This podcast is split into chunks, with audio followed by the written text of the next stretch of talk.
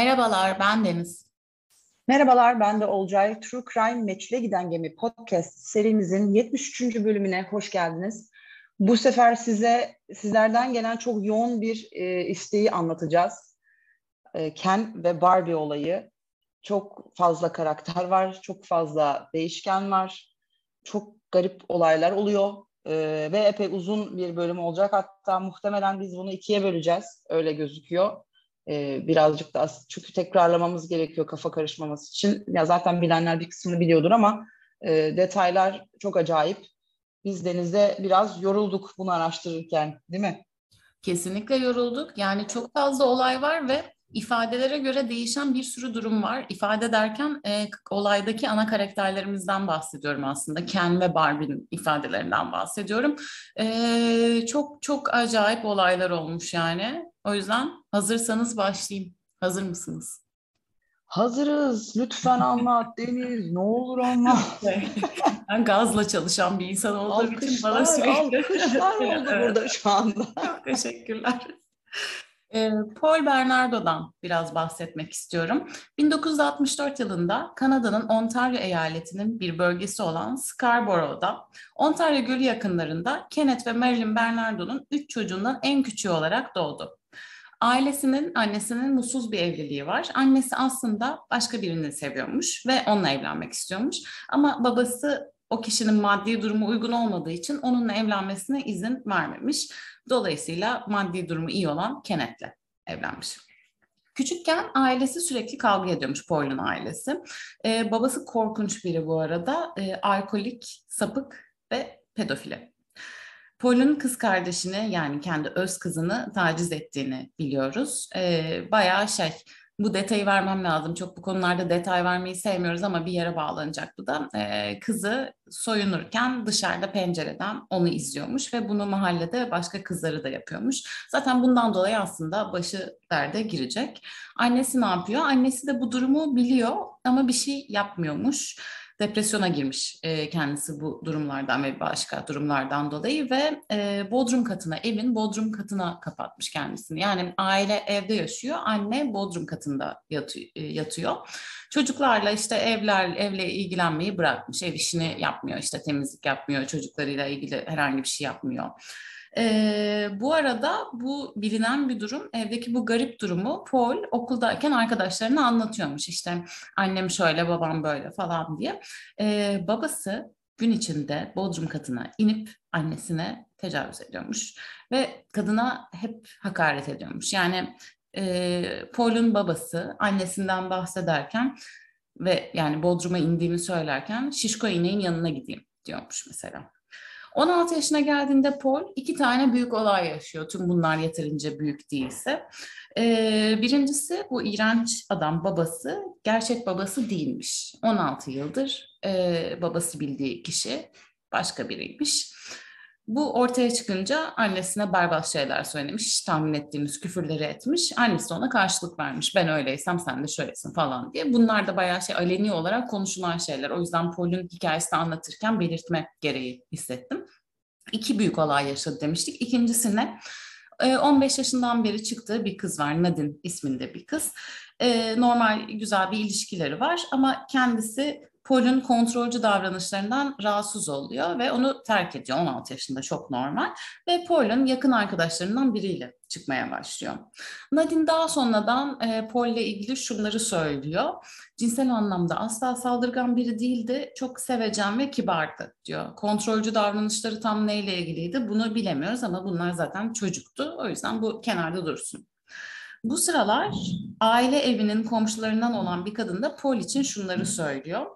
Çoğu annenin kızlarının eve getirdiğini görmekten oldukça memnun olacağı türden bir çocuktu. Arabanız kara saplansa ve o dışarıdaysa size her zaman yardım etmeye istekliydi. Çok güler yüzlü bir çocuk Paul, e, yakışıklı bir çocuk. Yani ona Ken denmesinin nedenlerinden biri bu. Zaten fotoğrafları paylaştığımızda anlarsınız. Şey yani böyle e, iyi bir komşu çocuğu gibi gözüktüğünü söyleyebiliriz. Okulda durumu nasıl? Notlar aslında onun için önemli. Parlak bir öğrenci. E, lisedeyken ayrıca çalışıyor. Yerel bir restoranda garsonluk yapıyor. Bu işten kazandığı parayla beyaz bir Mustang alıyor. Vay be. İyiymiş. Yine fakirliğimizi bir an düşündün değil mi? Evet, Sanki böyle kısa kafamızdan bir, çıkmış gibi. Yarım dakikalığına fakirliğimizi anıyoruz. Dolar bugün 17 onu gördük. Neyse. O evet. Çok iyi. 1982 yılında mezuniyet fotoğrafının başlığında yani e, yıllıkta Paul ile ilgili şu yazıyor. Amacı zengin ve ünlü olmak. Böylece Kaliforniya taşınabilir ve kumsaldaki kızlara bakabilir. Ama üniversite için Kaliforniya taşınmadı. Hatta Paul ile ilgili ilginç bir şey. E, normalde Amerikalılar işte hızlıca evden gidiyor işte üniversite için başka şehirde falan yaşıyor ya. Paul anaokulundan üniversiteye kadar bütün okuduğu okullarda ailesiyle yaşadığı iki katlı eve yürüme mesafesinde olacak okullarda okudu. Yani anlatabildim mi? Ben de öyleyim. Bu arada ben şey ilkokulumun arka sokağında yaşıyorum. Olcay'cığım geçen hafta gösterdim sana hatta. Evet. Çok da tatlı bir okulum varmış. Çok hoşuma gitti. Teşekkürler. Paul de efendim benim gibiymiş. Hani ne alakası var? Ben lisede karşıya geçiyordum. Paul hiç öyle değil. Hep şey ailesiyle beraber yaşıyor. Okulu da yakın yürüyeceği yerlerde.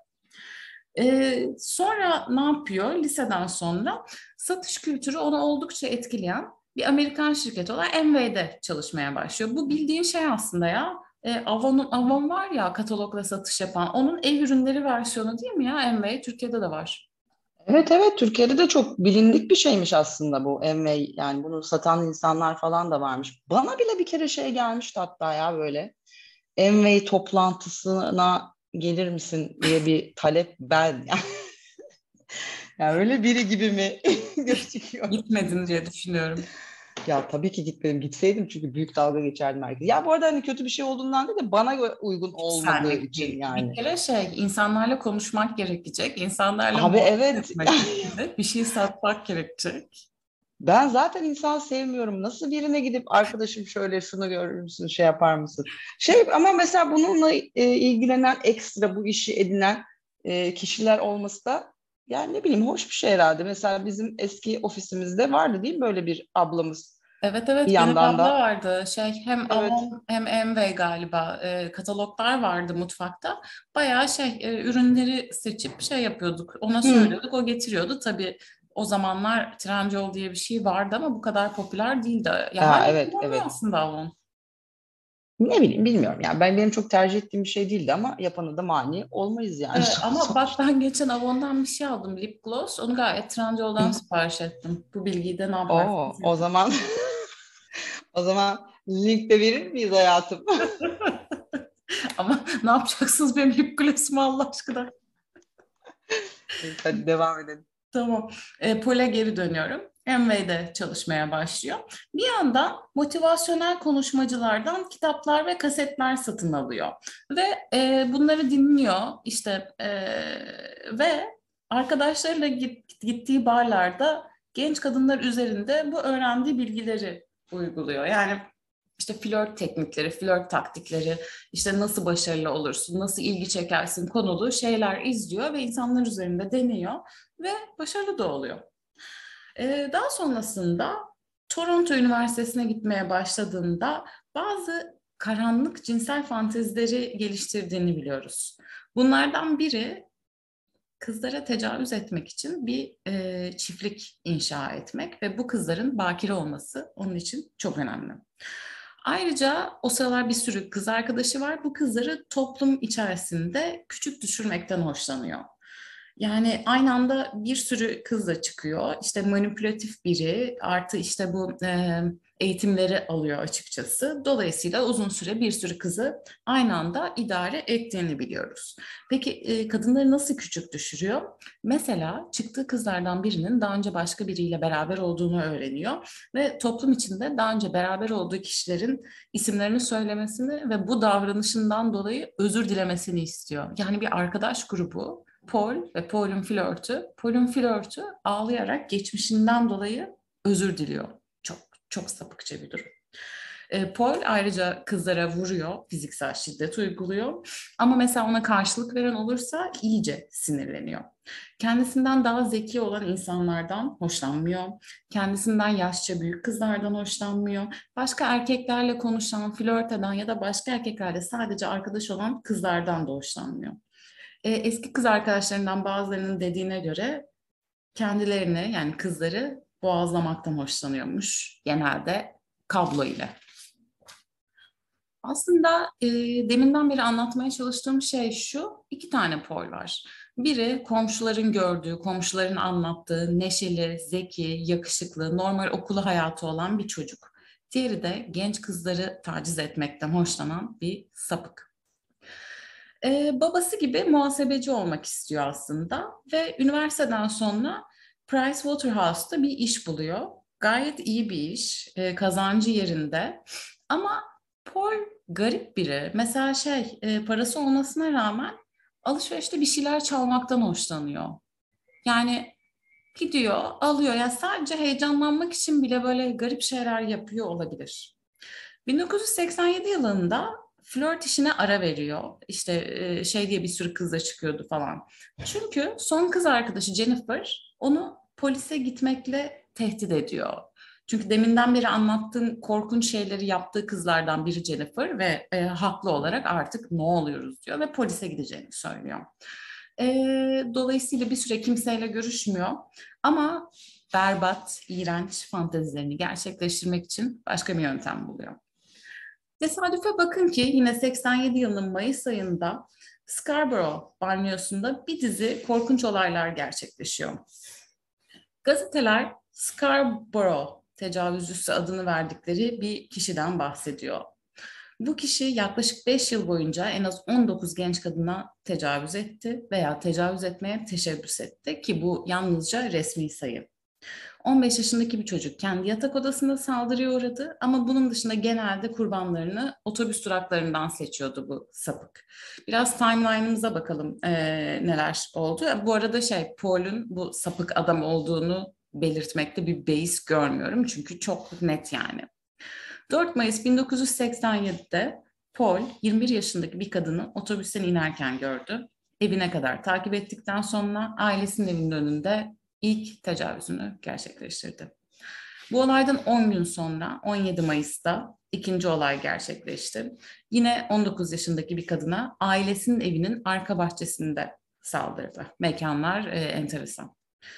Temmuz ayında yani birkaç ay sonra üçüncü olay gerçekleşti. Genç kadını dövmeye çalıştı ama kadın ona karşılık verdi. Bundan sonra saldırıdan vazgeçti. Yani amacına ulaşamadı. Aralık ayında bu sefer 15 yaşındaki bir kıza tecavüz etmeye çalıştı ve etti. Ertesi gün Toronto Polis Teşkilatı geceleri yalnız seyahat eden kadınlara, özellikle otobüse binen kadınlara bir uyarı yayınladı. Yani dikkat edin dedi, ortada bir sapık var, aylardır etrafta. Şimdiye kadar e, üç kişiye tecavüz etti. Ee, yine Aralık ayındayız. Üçüncü olaydan, yani üçüncü gerçekleşen tecavüzden birkaç gün sonra dördüncü olay e, gerçekleşti kurbanlarını tehdit etmek için kullandığı bıçakla bir çocuğa tecavüz etti yine Paul ve artık Scarborough tecavüzcüsü olarak anılmaya başladı. Ee, gelecek bir sonraki sene de olaylar devam etti. Mayıs ayında şöyle bir değişiklik oldu, yani şöyle bir gelişme oldu. Ee, üniformalı bir Metro Toronto müfettişi tarafından Paul göründü. Çünkü onu izliyorlardı. Yani otobüs durağını izliyorlardı tahmin edersiniz ki. Polis onu gördü. Bir ağacın arkasında saklandığını fark etti ve peşinden gitti. Ama maalesef Paul'ü yakalayamadı. 1988 yılında da olaylar devam etti. Ee, en son 17 Kasım 1988'de bu kişiyi, bu tecavüzcüyü yakalamaya adanmış özel bir görev gücü kuruldu. 1988 yılının sonunda Aralık ayında artık herkes şey bu arada inanılmaz e, tetikte bekliyorlar. Otobüs duraklarında bekliyorlar. Herkes mahalleyi gözetliyor falan. Nitekim e, bir komşu yani e, Paul'un orada yaşayan biri Paul'ü gördü yine bir tecavüz girişimindeyken ve onu kovaladı. Yakalayamadı ama bu olayı engelledi. Bundan sonrasında da yine olaylar bu şekilde e, devam etti. Bir işte yine otobüs duraklarında gerçekleşti olaylar. Bir kişiye de yeraltı otoparkının merdiven boşluğunda e, aynı suçu işledi. Tüm detayları vermek istemiyorum. Çok can sıkıcı bir konu ama e, şunu anlamışsınızdır. Birkaç kurban e, karşı koydu ve Paul'ü gördü aslında. Ve e, Paul bu süreçte polis tarafından iki kez sorgulandı. Ancak hiçbir zaman resmi bir şüpheli olarak adlandırılmadı. Neden sorgulandı, nasıl ona ulaşıldı? Çünkü eski sevgililerinden biri, o kabarık defterdeki kızlardan biri polise gidip bu olayları duyduktan sonra bu tecavüzcü Paul olabilir dedi. Konuyla ilgili bir rapor var bu arada Paul'un sorgusuyla ilgili ama elle yazıldığı için günümüze kadar ulaşmıyor maalesef bu rapor. Ee, gönüllü olarak kan, tükürük ve saç örnekleri verdi. Ama bu örnekler iki yıl boyunca test edilmeyecekti. Kim bilir daha kaç kişiden bu örnekler alındı. Bir profilimiz var. FBI bir profil oluşturuyor. 18-25 yaşlarında bu bölgede yaşayan bekar beyaz bir erkek. Ama bu çok yani genel bir tabir olduğu için hiçbir şey çıkmıyor, hiçbir şeye bağlanmıyor bu. Kurbanlardan birinin polise saldırganın doğru bir tanımını vermesi, yani düzgün bir fotoğraf, düzgün bir robot resminin e, çizilmesi ancak 90 yılının Mayıs ayında gerçekleşti. E, Paul'ün hayatını bir kenara bırakacağız. Olcay bize başka birinden bahsedecek. Olcay bize kimden bahsedeceksin?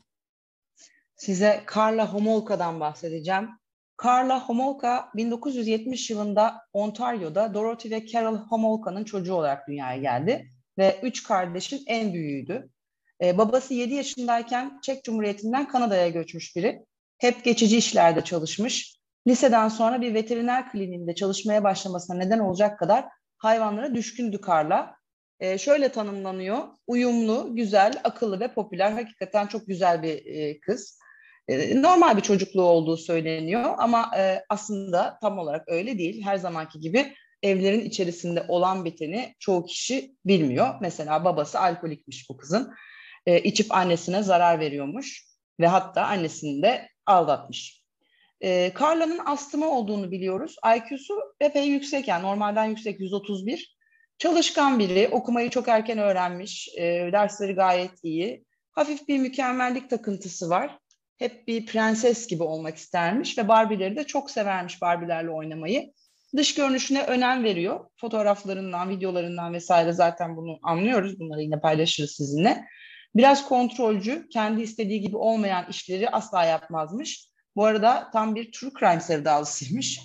Ee, Nancy Houston'da en sevdiği yazarlardan biri. Ee, lisedeyken garip bir hobi ediniyor kendine. Buna ne kadar hani o hobi diyebiliriz e, birilerinin vücudunda XOX oynamayı seviyormuş. Ama neyle biliyor musunuz? Bıçakla. Bu sana bir şey hatırlattı mı Deniz? Tabii ki hatırlattı. Sen söyle. Black Dahlia bölümümüzü hatırlayanlar ya da dinleyenler bu e, bir benzerlik olduğunu hemen hatırlayacaktır. Bu da enteresan bir hobi. Demek ki o bölgede Amerika Kanada bölgesinde böyle bir şey var değil mi? Yani ya bir de, oynuyorlar bıçakla. Gerçekten. Bir de bu kızın çocukluğu için çok normal, çok şeker falan diyorlar ya hiç öyle değil detaylara inildiğinde. Kesinlikle. 1987 yılında 17 yaşındayken e, Carla 23 yaşındaki Paul Bernardo ile tanışıyor. E, bir pet shop etkinliği için Toronto'da otelde kendisi o sırada e, bir etkinlik yapılıyor çünkü. Akşam yemek yemeye iniyor arkadaşlarıyla. Bu sırada Paul de masasına geliyor. İkisi de birbirini çok beğeniyorlar ve geceyi beraber odada geçiriyorlar. Carla o sırada St. Catherine'de yaşıyor. Ee, tanışmalarından sonra da sürekli olarak bu bölgede buluşuyorlar Paul'le birlikte. Paul'ü ailesiyle tanıştırıyor. Herkes bu işte görüntüde çok hoş gözüken ve ken bebek gibi duran adamı çok seviyor. Çünkü çok eğlenceli biri, çok keyif alıyor, çok güzel gülüyor. Ya kesinlikle göz alıcı bir cazibesi var. Ee, annesi, babası, kardeşleri Carla'nın hepsi tapıyorlar Pole. E, kız da zaten evin prensesi gibi. E, kendisinin de bir prens olması, bulması yani Ken gibi, Ken tabii yani Paul Bernardo gibi bir prens bulması aslında tam olarak Carla'dan beklenen bir şey.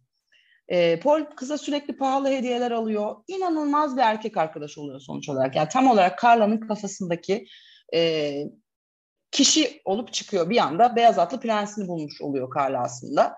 Ve e, Carla hem arkadaşlarına bunu söylüyor hem de kendisi bunu düşünüyor. Eski erkek arkadaşlarından çok farklı biri olduğunu söylüyor Paul, Paul'ün. Ve Paul bu şekilde evde e, Carla Homolka'nın ailesinin evinde kalıcı olmaya başlıyor. E, yani sürekli girip çıkıyor, kalıyor, yatıyor, kalkıyor. E tamam hani nasıl izin verdi diyebilirsiniz bu konuda. Çünkü yani hem, hem Amerika hem de e, yani Kanada nispeten Amerika'ya göre biraz daha az ama ya sonuçta buralar muhafazakar yerler ve e, yani genç bir kızın sevgilisinin evde kalması fikri aileler tarafından öyle çok çabuk kabul edilebilen bir şey değil. Ama Carla ne isterse yapmış. Öyle ailede öyle bir gücü var. Ee, daha önce de Amerika'da yaşayan bir arkadaşında kalmak için örneğin ailesinden izin istiyor. Ailesi olmaz diyor buna ama o yine de gidiyor yani. Çünkü Carla dediğini yapan bir kız. Ama öyle ama böyle bir şekilde yaptırıyor ve hatta burada iki hafta kalmış. E, dolayısıyla ailenin ona hayır deme gibi bir şansı yok. Biraz e, yular elinde Carla'nın. Paul peki ne yapıyor? İşte onların evinde kaldığında geceleri salonda koltukta yatıyor ama akşamları tabii ki kızın e, odasına girip birlikte oluyorlar e, Carla'nın odasında. E, bu arada Carla'nın geçmişinde başkası ile cinsel bir birliktelik yaşamış olması Paul için büyük bir sorun. Bunu da hani bir kenara koyalım, cebimizde kalsın. Carla'nın lise mezuniyeti zamanı geliyor. Kriminoloji okumak istiyor bu sırada. Paul de diyor ki e, benimle evleneceksen böyle tehlikeli işler yapmamalısın. Ve bunun üzerine Bernardo ve Homolka 89 yılında nişanlanıyorlar. Carla bir arkadaşına Paul ve ben her zamankinden daha mutluyuz. O çok harika, çok romantik diyor. Ama gerçek şu ki e, Paul Bernardo ilişkilerinin üçüncü yılında artık yavaş yavaş sıkılmaya başlıyor. İşte Carla'nın tanıştıklarında bakire olmadığından şikayet ediyor. Farklı şeyleri gündeme getirmeye başlıyor ve yavaş yavaş bu adam o içindeki belki bastırdığı o güne kadar ya da belki bizim bilmediğimiz hasta ruhunu yavaş yavaş çıkarmaya başlıyor ve gözlerini bir başkasına dikiyor. Carla'nın 15 yaşındaki kız kardeşi Tamiye. Burada işte şey hikayelerimiz birleşmiş durumda. Paul en son Deniz'in anlattığı gibi Price Waterhouse'da çalışmaya başlamıştı. İyi bir maaş alıyor. E, fakat iki ayın sonunda bir anda işe gitmemeye başlıyor. Sigara kaçakçılığı yapmaya başlıyor. Bir yandan da sürekli motivasyon konuşması yapan insanları dinliyor. E, herkesin benzer şeyler söylediğini fark ediyor bu sırada ve diyor ki ben de bir konuşmacı olabilirim.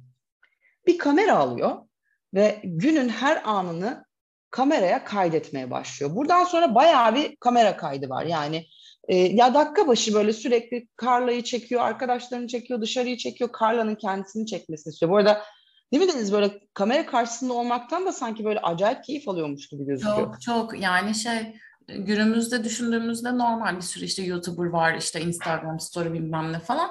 Ama 80'lerin sonunu düşündüğümüzde çok enteresan geldi bana. Yani biraz da şey korku filmi gibi geldi aslında o görüntüleri izlemek. Ama yani daha ne korkuları olacak yani ne filmler var. Çok çok korkunç. Ay.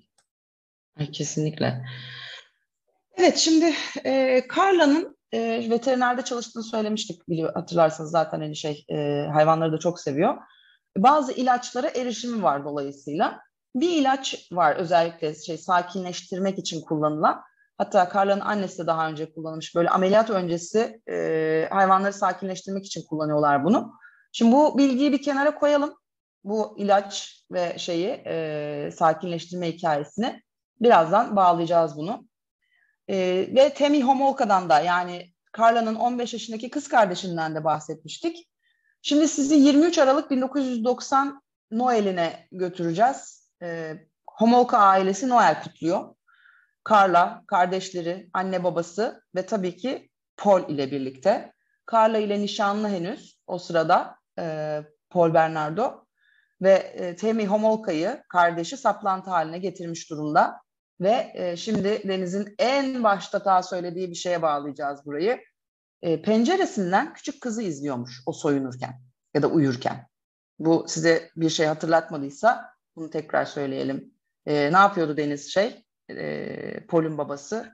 Pol'ün babası da e, kendi öz kızını ve mahalledeki diğer kızları pencereden izliyordu. Bu iğrenç şeyi niye bana söyledin tekrar? Çok iğrenç. Çünkü her zaman bana iğrenç şeyleri söyletiyorsun. Seni gafil abladım. Orada öyle dinliyordun. tatlı tatlı dinliyordun. Neyse. Gerçekten çok iğrenç. Uf, nefret ediyorum böyle şeylerden. Ee, bu sırada tabii işte Noel kutlaması. Tabii herkes içki içiyor vesaire. Aile artık anneyle baba artık yavaş yavaş uykuya geçmiş. E, Temi de küçük kız istiyor ki ben de bir şeyler içeyim. Daha önce hiç alkol almamış. Ve Carla ve Paul e, bir şeyler içerken onların yanına gidiyor. İşte bana da bir kokteyl hazırlar mısınız falan diyor. E, ve işte 15 yaşındaki kız ilk defa bir kokteyli deniyor. Sonra ikinciyi de içiyor. Sonra bir şey oluyor. E, ifadelere göre Carla, pardon Tammy kusmaya başlıyor ve bayılıyor. Carla ve Paul 911'i arıyorlar. Fakat maalesef Tammy o sırada kendi kusmuğunda, kusmuğunda boğulduğu için hayatını kaybediyor. Daha sonra bu geceden size tekrar bahsedeceğiz. Çok çok önemli bir gece çünkü bu. Paul ve Carla çocuğu kurtarmak için ellerinden geleni yaptıklarını söylüyorlar. Fakat ölümü resmi raporlara kaza olarak giriyor. Yani bir içki içmiş, e, hafif de sarhoş olmuş. O sırada uykuya dalmış ya da bayılmış, bayıldığı söyleniyor. E, bayılmış ve kusmuş, kendi kusmunda da boğulmuş. O sırada e, Carla ve Paul onu görmemişler. Bu şekilde de hayatını kaybediyor. E, bu olaydan bir süre sonra Paul ve Carla Ontario Port Dalhouse'de bir bungalova taşınıyorlar. Ve Tavy'nin ölümünden 6 ay sonra 91 yılının Temmuz'unda Paul ve Carla evleniyor. İkisi de çok mutlu düğün görüntülerinde. Genç aşıklar ve yani tamamen bugün için yaşamışlar gibi harika bir e, gelinlik giyiyor Carla. E, Paul zaten inanılmaz yakışıklı ve çok eğlenceli bir gün geçiriyorlar. Sanki 6 ay önce e, Carla'nın kardeşi ölmemiş gibi. Ve evlendikleri gün yine çok ilginç bir şey oluyor. Aynı gün St. Catherines'in güneyindeki Gibson Gölü'nde balıkçılar suyun içinde insan kolları, bacakları, ayakları ve kafasını kaplayan beton bloklar keşfediyorlar. Ertesi gün başka bir adam suda yüzen bir insan gövdesi buluyor. Kalıntıların Burlington, Ontario'dan 14 yaşındaki Leslie Mahaffey'e ait olduğu belirleniyor. Ailesi 15 Haziran'da onun kaybolduğunu bildirmişti polise. Polis bunun bir cinayet olduğunu söylüyor ve soruşturmaya başlıyor böylece. Paul ve Carla bu sırada Hawaii'de balayında. 30 Nisan 1992'de Burlington'ın kuzey ucundaki kırsal bir yol boyunca bir hendekte, yol boyunca uzanan bir hendekte bir kadın cesedi bulunuyor bu sırada. Yüzü hırpalanmış durumda, saçı tamamen tıraş edilmiş. Sol serçe parmağının eksik ucu araştırmacılara cesedin 15 yaşındaki St. Catherines'li Kristen French'e ait olduğunu söylüyor. Bu da ikinci cesedimiz. French'in ailesi 16 Nisan'da kızlarının kay- kaybolduğunu bildirmişti polise. Her gün okula gidip gelirken yanından geçtiği kilisenin otoparkında kendisine ait olduğu belirlenen bir ayakkabı bulunmuş durumda. Daha sonra bir tanık ayın 16'sı öğleden sonra o otoparkta bir arbede yaşandığını gördüğünü bildiriyor. Tanığa iki kişinin bir kızı krem renkli Chevrolet Camaro olarak tanımladığı bir arabaya zorla bindirdiğini anlatıyor. Polis otoparkı arıyor ve Scarborough haritasının yırtık bir parçasını ve bir tutam kahverengi saç buluyor burada. Yanlış bir ipucu olduğu ortaya çıktıktan sonra krem renkli Camaro'nun kapsamlı bir kontrolüne başlıyorlar. Bu sırada şunu da ekleyelim. Paul Bernardo'nun arabası o sırada altın renkli bir e, Nissan. Paul Bernardo'nun şiddete ve saldırgan sekse meyilli olduğu yönündeki bir ihbar üzerine polis 12 Mayıs'ta onunla görüşüyor ve e, onu iki kız öğrenci cinayeti olarak adlandırılan olayın baş şüphelisi ilan ediyor. Bu sırada polis iki kız öğrencinin cinayetini yani Mahaffey ve French'in cinayetini benzer e, şeyler yakaladığı için, benzer unsurlar yakaladığı için birbirine bağlıyor. Yani aynı kişi tarafından işlendiğini düşünüyorlar bu e, cinayetin. Halton Bölge Polisi ile birlikte çalışan Niagara Bölge Polisi iki suçla ilgili soruşturma yürütmek için özel bir görev gücü, gücü kuruyorlar. 21 Temmuz günü e, French'in, Kristen French'in kaçırılmasının yeniden canlandırılması gösteriliyor televizyonda. Bununla ilgili binlerce ipucu üretiliyor ama e, önemli bir e, veriye rastlanmıyor. 6 Ocak 1993'te çok ilginç bir şey oluyor. Carla Homolka, Paul Bernardo'nun onu bir el feneriyle acımasızca dövmesinin ardından St. Catherine's hastanesine kaldırılıyor ve polise gidip Paul ile ilgili inanılmaz şeyler anlatıyor. Burada bırakalım mı? Oh. Bize küfreder misiniz burada bırakırsak? Yani çok üzgünüm ama küfredersiniz dedin. Yani, yani sonuçta bizim podcastimiz değil mi? Burada bırakmak zorundayız. Teorilerimiz falan her şey e, olayın en sonunda olsun bence. Gelecek hafta evet. bu olayın e, bu olayı didik didik ediyoruz. Neler olmuş, Carla neler söylemiş, Paul neler yapmış hepsini konuşuyoruz. Kesinlikle burada bırakalım. Zaten yeterince iğrençti buraya kadar. Önümüzdeki hafta görüşmek üzere. Hoşçakalın. Görüşmek üzere. Hoşçakalın.